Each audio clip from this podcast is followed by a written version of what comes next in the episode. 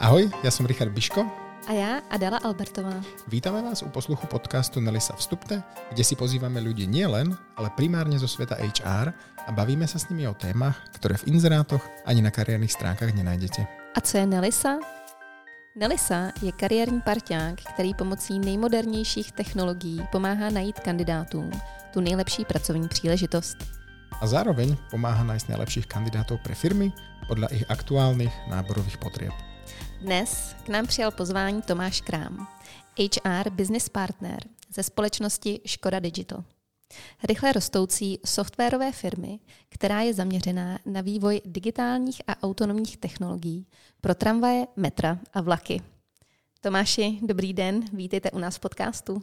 Dobrý den a děkuji za pozvání. Na úvod já vás poprosím, abyste se nám víc představil, co děláte přesně ve firmě Škoda Digital. Ještě jednou dobrý den. Eh, moje jméno je Tomáš Krám, Digital teda působím jako HR business partner. A moje cesta do HR vlastně vychází už z doby mého studia. Já jsem studoval jednooborovou psychologii, která se mimo jiné taky zaměřuje na oblast psychologie práce, organizace. Vždycky mě bylo, byl blízký biznis, takže pro mě je to výhra. A to, co děláme v Digitalu teďka, nebo co já dělám, tak je to hodně o tom tu firmu rozvíjet, posouvat ji dál a propojovat ty lidi s tím biznesem, aby se nám dařilo, abychom byli schopní plnit to očekávání, které v oblasti toho softwaru a v rámci koncernu je opravdu velké. Jo, my v rámci přípravy s Adelkou jsme se dívali právě a byli jsme, byli jsme milo překvapení právě, jak eh, ta vaša cesta viedla jako, jako studenta alebo zo studia psychologie právě do HR. Je nějaká věc, kterou byste z toho studia, dajme tomu, vypichol, že vo svém každodennom, eh, povedzme, cykle, čo robíte v práci, tak jako nejvíc využíváte, čo jste se na škole naučil? Paradoxně za mě je to asi to, že HR podle mě v rámci celého světa panuje hodně dojmologie. Mm-hmm. Je to hodně o citech, je to hodně o tom, jak to ty lidi cítí a v rámci toho studia se člověk naučí i trošku víc ty fakta, nebo trošku poznat, kdy už to je domněnka, kdy je to něčím podložený a trošku blíž do detailu se na, na to podívat a třeba si jako zpětně uvědomit, ale tady už to možná není úplně objektivní a je to o takové za mě větší transparentnosti a profesionalitě možná v této oblasti. A taky asi hodně sebereflexe. Přesně tak. Když vybíráte lidi eh, nebo je rozvíjíte, tak jsou nástroje, které jsou více objektivní, jsou nástroje, které jsou méně objektivní. Samozřejmě nechcete diskriminovat, chcete být fair k těm lidem, takže je fajn znát nějaké limity a nedělat eh, rozhodnutí jenom protože můžu nebo protože můžeme, ale vždycky si dát tu práci s tím, abychom měli nějaký kompetenční model, abychom věděli, proč toho člověka chceme nebo nechceme, abychom byli schopni dát konkrétní zpětnou vazbu. Takže za mě takové to zaměření na detail a opravdu, co se skrývá pod tím dojmem z toho mhm. člověka, aby člověk opravdu věděl, proč dělá rozhodnutí, které dělá. Tomáši, v úvodě Adelka spomenula alebo povedala, že jste k nám přišel z firmy Škoda Digital. Kdybyste nám ju mohl lepšie našim posluchačům, lomené kandidátům představit, co je u vás, povedzme z vašeho pohledu, zaujímavé, na jakých projektoch pracujete? A jak jste říkal, tak vlastně Škoda Digital je součástí Škody Group, dříve s názvem Škody Transportation a ze zhora nás vlastně vlastní skupina PPF. A my v rámci Digitalu eh, se věnujeme digitálním technologiím, zejména softwaru, ale i hardwaru a směřuje to právě pro ty kolejová vozidla. A ve zkratce tím naším posláním je dělat ty tramvaje, metra, vlaky chytřejšími, autonomnějšími, možná i bezpečnějšími, mm-hmm. dnes čím dál víc i ekologičtějšími. Dneska máme 130 zaměstnanců, před rokem nás bylo 80, 90, před pár lety ještě 30, takže opravdu extrémně rychle rosteme a to je i vlastně jedno z těch témat, kterým teďka žijeme protože ten růst, ať už teďka poměrně strmý je, tak v následujících letech by měl nabrat ještě větší obrátky. Z toho důvodu, že stejně jako v automotiv, autonomní řízení je velké téma i v kolejové dopravě, řeší se bezpečnost, řeší se efektivita, a to jsou všechno věci, které nejlépe vyřešíte softwarem. Z toho důvodu jakoby těch úkolů a projektů a produktů, na kterých pracujeme, je čím dál víc. Tomáš, větě nám trošičku bližšie přiblížit, na čem konkrétně v Digitalu pracujete? Určitě. My to máme rozdělené do čtyř takových klastrů. Jeden velký je autonomie, kdy v roce 2030 bychom měli v Plzni pilotovat autonomní tramvaj. A tam teďka třeba ukázkou je antikolizní systém, který jsme vyvíjeli opravdu od nuly, kdy během roku a půl jsme byli schopni vyvinout e, řešení, jak hardwareové, tak softwarové, které je schopné detekovat překážky na tramvaji, rozpozná koleje, a dokáže řidičům radit a upozorňovat je pozor, tady, něco, tady nějaká překážka, je potřeba zastavit nebo se uh, nějakým se zachovat. A to je třeba produkt, který jsme před třemi týdny oznámili na konferenci v Berlíně. A to znamená, to je třeba ukázka toho, co děláme v autonomii. A tam možná jenom ještě doplním, že autonomie u aut a autonomie u kolejových vozidel je hodně něco jiného. Protože v rámci těch kolejových vozidel vy máte kolej a nemusíte řešit, jestli v rámci krizové situace začnete brzdit hodně, málo, auto strhnete volant doleva nebo doprava. Vy ten volant nemáte. Vy vlastně buď jdete hodně rychle a brzdíte pomalu, nebo brzdíte hodně. Takže i to je vlastně důvod, proč to je antikolonní systém a celá ta autonomie je relativně dosažitelná v takhle krátkém časovém horizontu, protože těch stupňů volnosti pro to řešení je tam o poznání méně. Takže to je autonomie. Kromě autonomie se věnujeme diagnostice. Vy asi znáte diagnostiku, buď každé dva roky vyměním na autě olej, nebo se nějaké čidlo ozve, tady je něco rozbitého. My se snažíme dělat prediktivní diagnostiku. To znamená, jsme schopni predikovat, kdy nějaká součástka už je na limitu své životnosti vůči těm podmínkám, kterým byla nějakou dobu vystavená a říct pozor, pozor, pojďme to vyměnit dřív, než se to rozbije. Takže to je třeba další produkt a potom řešíme standardně displeje, eh, kamerové záznamy v tramvaji, informační systémy, to, když nastoupíte do tramvaje, tak co vidíte, pokud to pravděpodobně svítí, tak eh, do toho něco dělá digital. Jak často se vás vo výberových eh, procesoch stává, se vám stává, že si vás eh, firmně jako pletu zo Škoda Auto? Není to zas tak častý, ale hmm. zažil jsem pohovory, kdy kandidát žil v tom, že bude vyvíjet autonomní řízení pro auta. Většinou si to vyříkáme a nakonec i takový lidi k nám nastupují, ale ta značka občas ty lidi zmate. Není to teda na Plzeňsku, si myslím, že to tam ty lidi velmi dobře znají. Nicméně, jakmile opustíte plzeňský kraj, tak když se řekne Škoda, tak si asi upřímně můžeme říct, že většina lidí si představí Škodu auto. Vzpomenul jste Plzeňsko, kde v rámci republiky ještě na dalších lokalitách operujete v rámci titulu? Samozřejmě v Plzni, jsme v Praze, velký tým máme i v Ostravě a potom máme i menší pobočku ve Zlíně, kde máme taky vývojáře. To znamená, v Čechách máme čtyři lokace, ale i teďka řešíme nějakou expanzi do zahraničí, protože ty plány, které máme, tak jak to počítáme, tak si nemyslíme, že je úplně realistické naplnit na českém trhu. Vzpomenul jste lokality, tak eh, teď nám prosím představte typy pozic, které nejvíce zastupujete v digitlu? Jaké typy lidí zaměstnáváte? My tomu interně říkáme, že hledáme vývojáře, kteří chtějí stavět raketu. To naše specifikum je v tom, že tím, že jsme česká firma a vyvíjíme produkty pro Evropu, ale i uh, vlastně mimo, tak vyvíjíme ty produkty od A do Z. To znamená, nehledáme vývojáře, kteří si budou dělat tu malou část nějakého celku, aniž by věděli ten bigger picture, ale opravdu hledá, stavíme týmy. Můžu dát příklad týmu, který jsme postavili před rokem a půl, tým, který měl vyvinout antikolizní systém pro tramvaj. Znáte to z aut možná, tentokrát pro tramvaje, aby ty řidiči byli upozorněni, když tam je nějaká překážka, má to nějaký radar, má to nějaký lidar, má to nějakou kameru. To znamená, je to o tom, ty lidi nastoupí a je na nich. Jaké technologie, jaká architektura, jaký hardware, s kým budu spolupracovat. Budu spolupracovat s univerzitami, budu spolupracovat s jinými externími komerčními partnery. Opravdu jako vyvíjíme na zelené louce a ty lidi, kteří k nám se přidávají, které hledáme, by měli hledat tu výzvu, jako realizovat se v něčem konkrétním, projít ten vývoj od A do Z. Nenajdete u nás moc pozic, které by byly takové, že tam někde testujete něco malého, spíše to o tom, že pracujete opravdu na reálném produktu který si otestujete v nějakém tom depu. Mm-hmm. Třeba ve Finsku teďka kluci testují. A jak velké máte týmy a kolik lidí má Digital? My máme filozofii menších týmů. Rádi bychom se vyvarovali toho, že budeme mít tým o 15 a více lidech. Takže většinou ty týmy máme kolem 6, 8, maximálně 12 lidí, aby i ten tým lídr eh, byl v detailu a mohl těm lidem pomoct, mohl poradit. A nebyl to jenom ten manažer, který řeší prezentace, ale opravdu se věnoval i té technické stránce toho produktu. Takže máme velké množství menších týmů. A vravel ste, že, že e, tie týmy si tú technologickú časť alebo tú architektúru volia samostatne, ale predsa len je, je tam nejaká preferovaná technológia alebo dajme tomu niečo, čo sa najčastejšie alebo často opakuje v tých týmoch? Já to možná uh, představím na konceptu autonomie, protože mm-hmm. autonomní technologie to je velké gro toho našeho portfolia. Máme s městem Plzeň podepsané memorandum. V roce 2030 bychom měli testovat autonomní tramvaj uh, v Plzni v rámci nějaké fáze automatizace. To znamená, když si představíte autonomní tramvaj, tam máte nějakou vozidlovou část a nějakou serverovou část. Pro tu vozidlovou část hledáme hodně embedded vývojáře. Jsou vývojáři, kteří mají zkušenosti C, C++ a baví mikrokontrolery, ať už na té trošku vyšší nebo nižší úrovni. Potom tam máme samozřejmě specialisty na matematiku, fyziku, kteří vlastně počítají, jak rychle to může jet, jak rychle to může brzdit. Takže je tam i ten kontakt s tou realitou. A druhé straně toho produktu je nějaká serverová část, kde probíhají ty výpočty, koordinace, čas i z prvky nějaké umělé inteligence. A tam je to spíš .NET, C Sharp, zkušenosti s DevOpsama, s Microsoft Azure.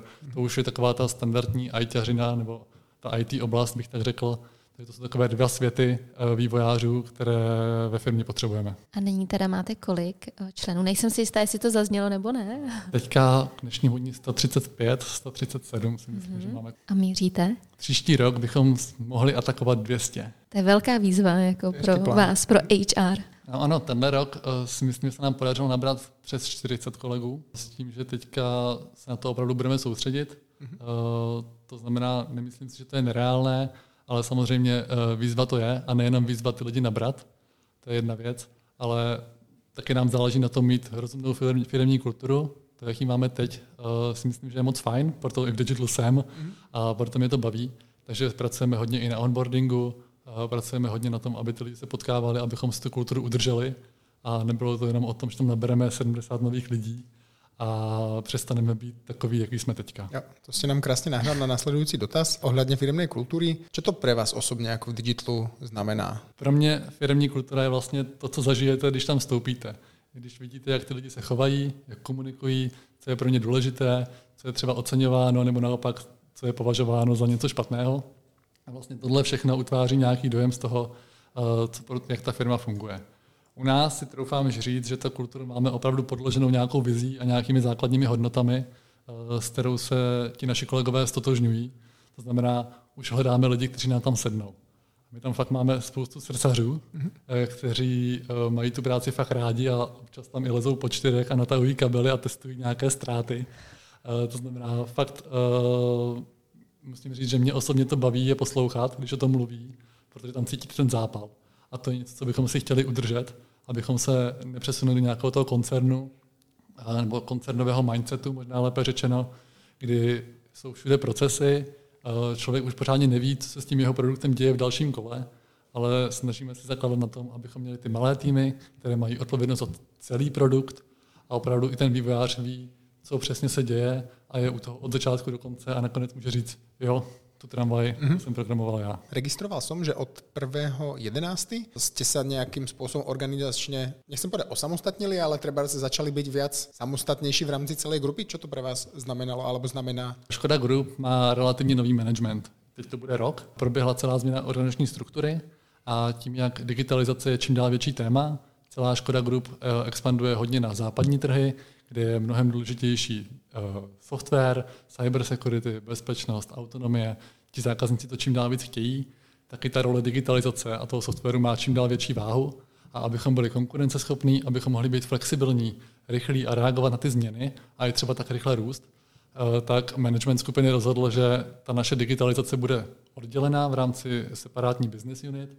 To znamená, máme vlastní cíle, máme vlastní plány, máme vlastní uh, strategii toho, co máme dosáhnout a víceméně reportujeme přímo prezidentovi skupiny. Čiže jinými slovami, udržujete si, aj keď v rámci nějakého většího koncernu, stále tu, tu uh, flexibilitu menšej firmy, rychlé rozhodování, rychlé napredování, taky ten agilný způsob. Přesně tak. No ta, ten software se strašně rychle mění a vyvíjí. A musíte být rychlí i v tom, co chcete na ten trh dodat, abyste vystihli tu správnou dobu, kdy ten zákazník to bude chtít, ale zároveň jste utratili co nejméně peněz za ten vývoj samozřejmě. Co se vám za poslední dobu podařilo? Čím si můžete pochlubit? Určitě je to ten nábor. A za poslední rok se nám podařilo vlastně, no, za poslední rok, v roce 2022 nám nastoupí přes 40 nových kolegů, což je vlastně o třetinu víc, eh, no téměř o třetinu víc, než jsme měli ve firmě lidí eh, koncem roku, což považuji určitě za úspěch.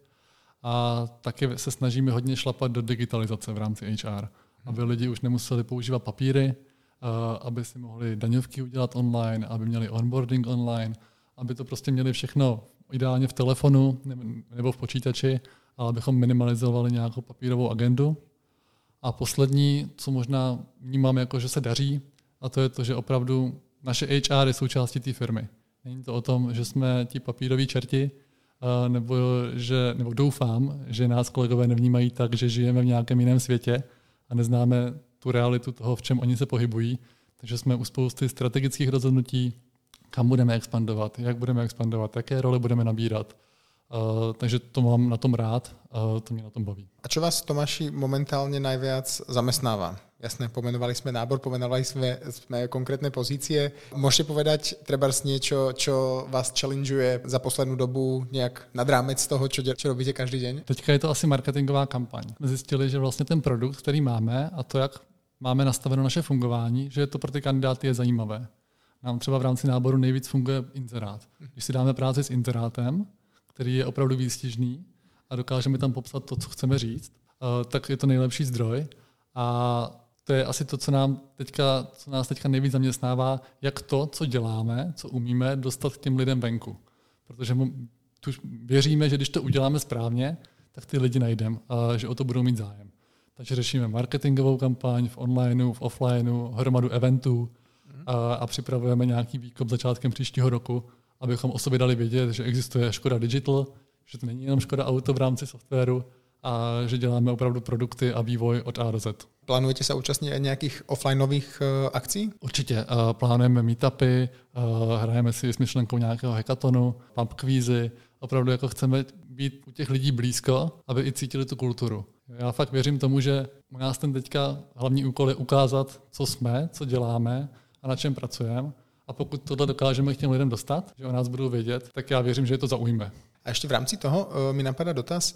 Uh, pomenovali jste hned na, uh, na začátku alebo v úvodě, že máte několik lokalit. lokalit. Jak, se, jak se díváte k rozvrhnutiu povedzme tej pracovnej účasti na pracovisku, remote versus on-site alebo nějaký hybrid, jak, jak to máte nastavené? Převážně ve firmě jedeme hybrid, mm-hmm. ale ty týmy to mají nastavené samostatně. Máme tým, který je radši v kanceláři, protože potřebují třeba častěji pracovat na hardwareu a máme tým, který se potkává jednou, dvakrát týdně, jsou třeba ti matematici, fyzici, eh, kolegové, kteří pracují na tom autonomním řízení, eh, kde dva dny diskutují, jak to vlastně mají udělat a ty další tři dny už třeba doma v pohodě kódí. Tomáši, mohl byste prosím pro naše kandidáty popsat náborový proces? Určitě, myslím si, že to není nic uh, nezvyklého. Uh, v rámci prvního kontaktu si na půl hodinky zavoláme, uh, kdy si představíme pozice, uh, trošku zjistíme základní uh, informace o tom, co ten kandidát hledá, a jestli mu můžeme vůbec vyjít stříc, jestli se tam někde potkáváme.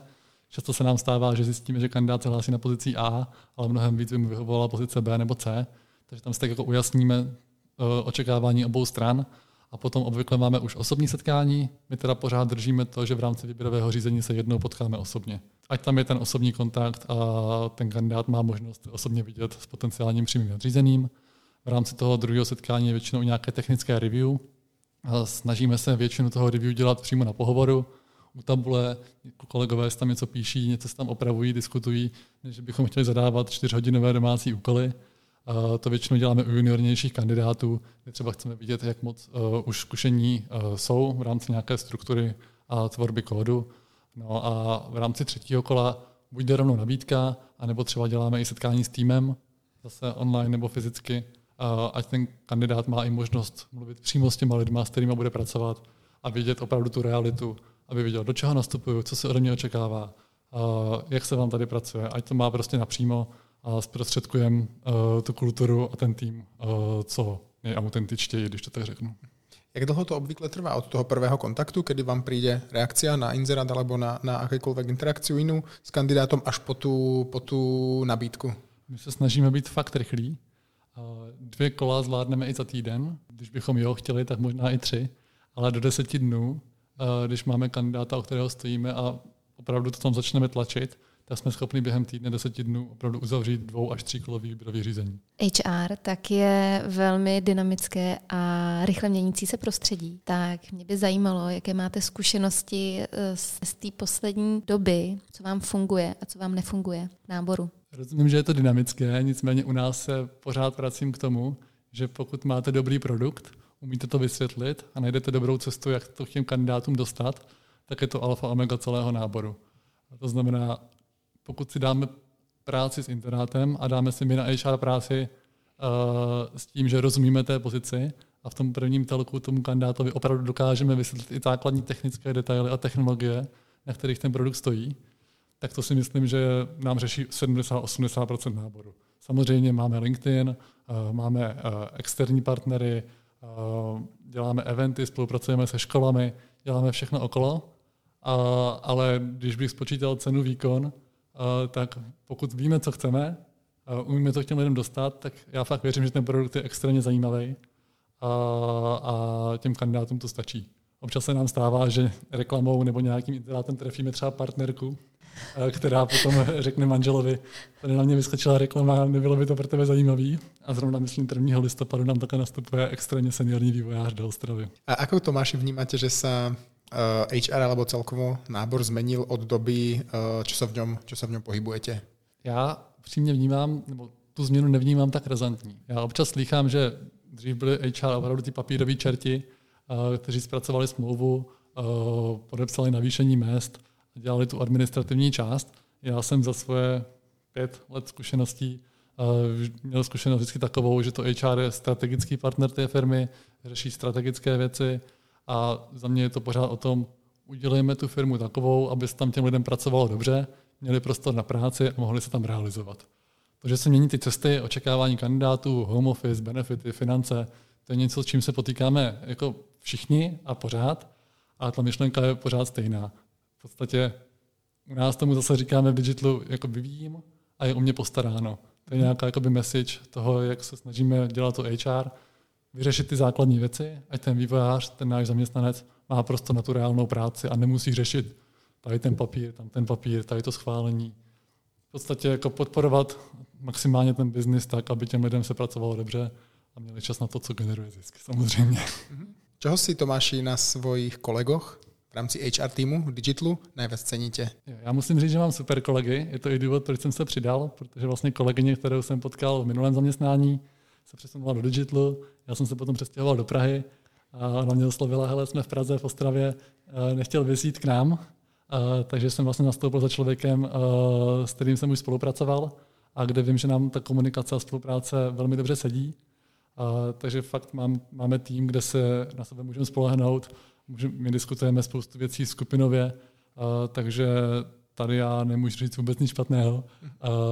Ten tým je super a je to jeden z důvodů, proč v Digital jsem. Máte nějakou, povedzme, poslednou message, kterou byste chcel sdělit touto formou potenciálním kandidátům, kteří si to dají do uši a vypočují? Možná pro kandidáty, pokud hledají opravdu práci, kde se můžou realizovat, a, chtějí vidět ten výsledek, ať už jsou juniorní nebo seniorní, tak si myslím, že máme co nabídnout. Pokud hledají práci od 8 do 4, tak se obávám a je jim jedno, co budou dělat, tak se obávám, že tady tu skupinu nezaujmeme.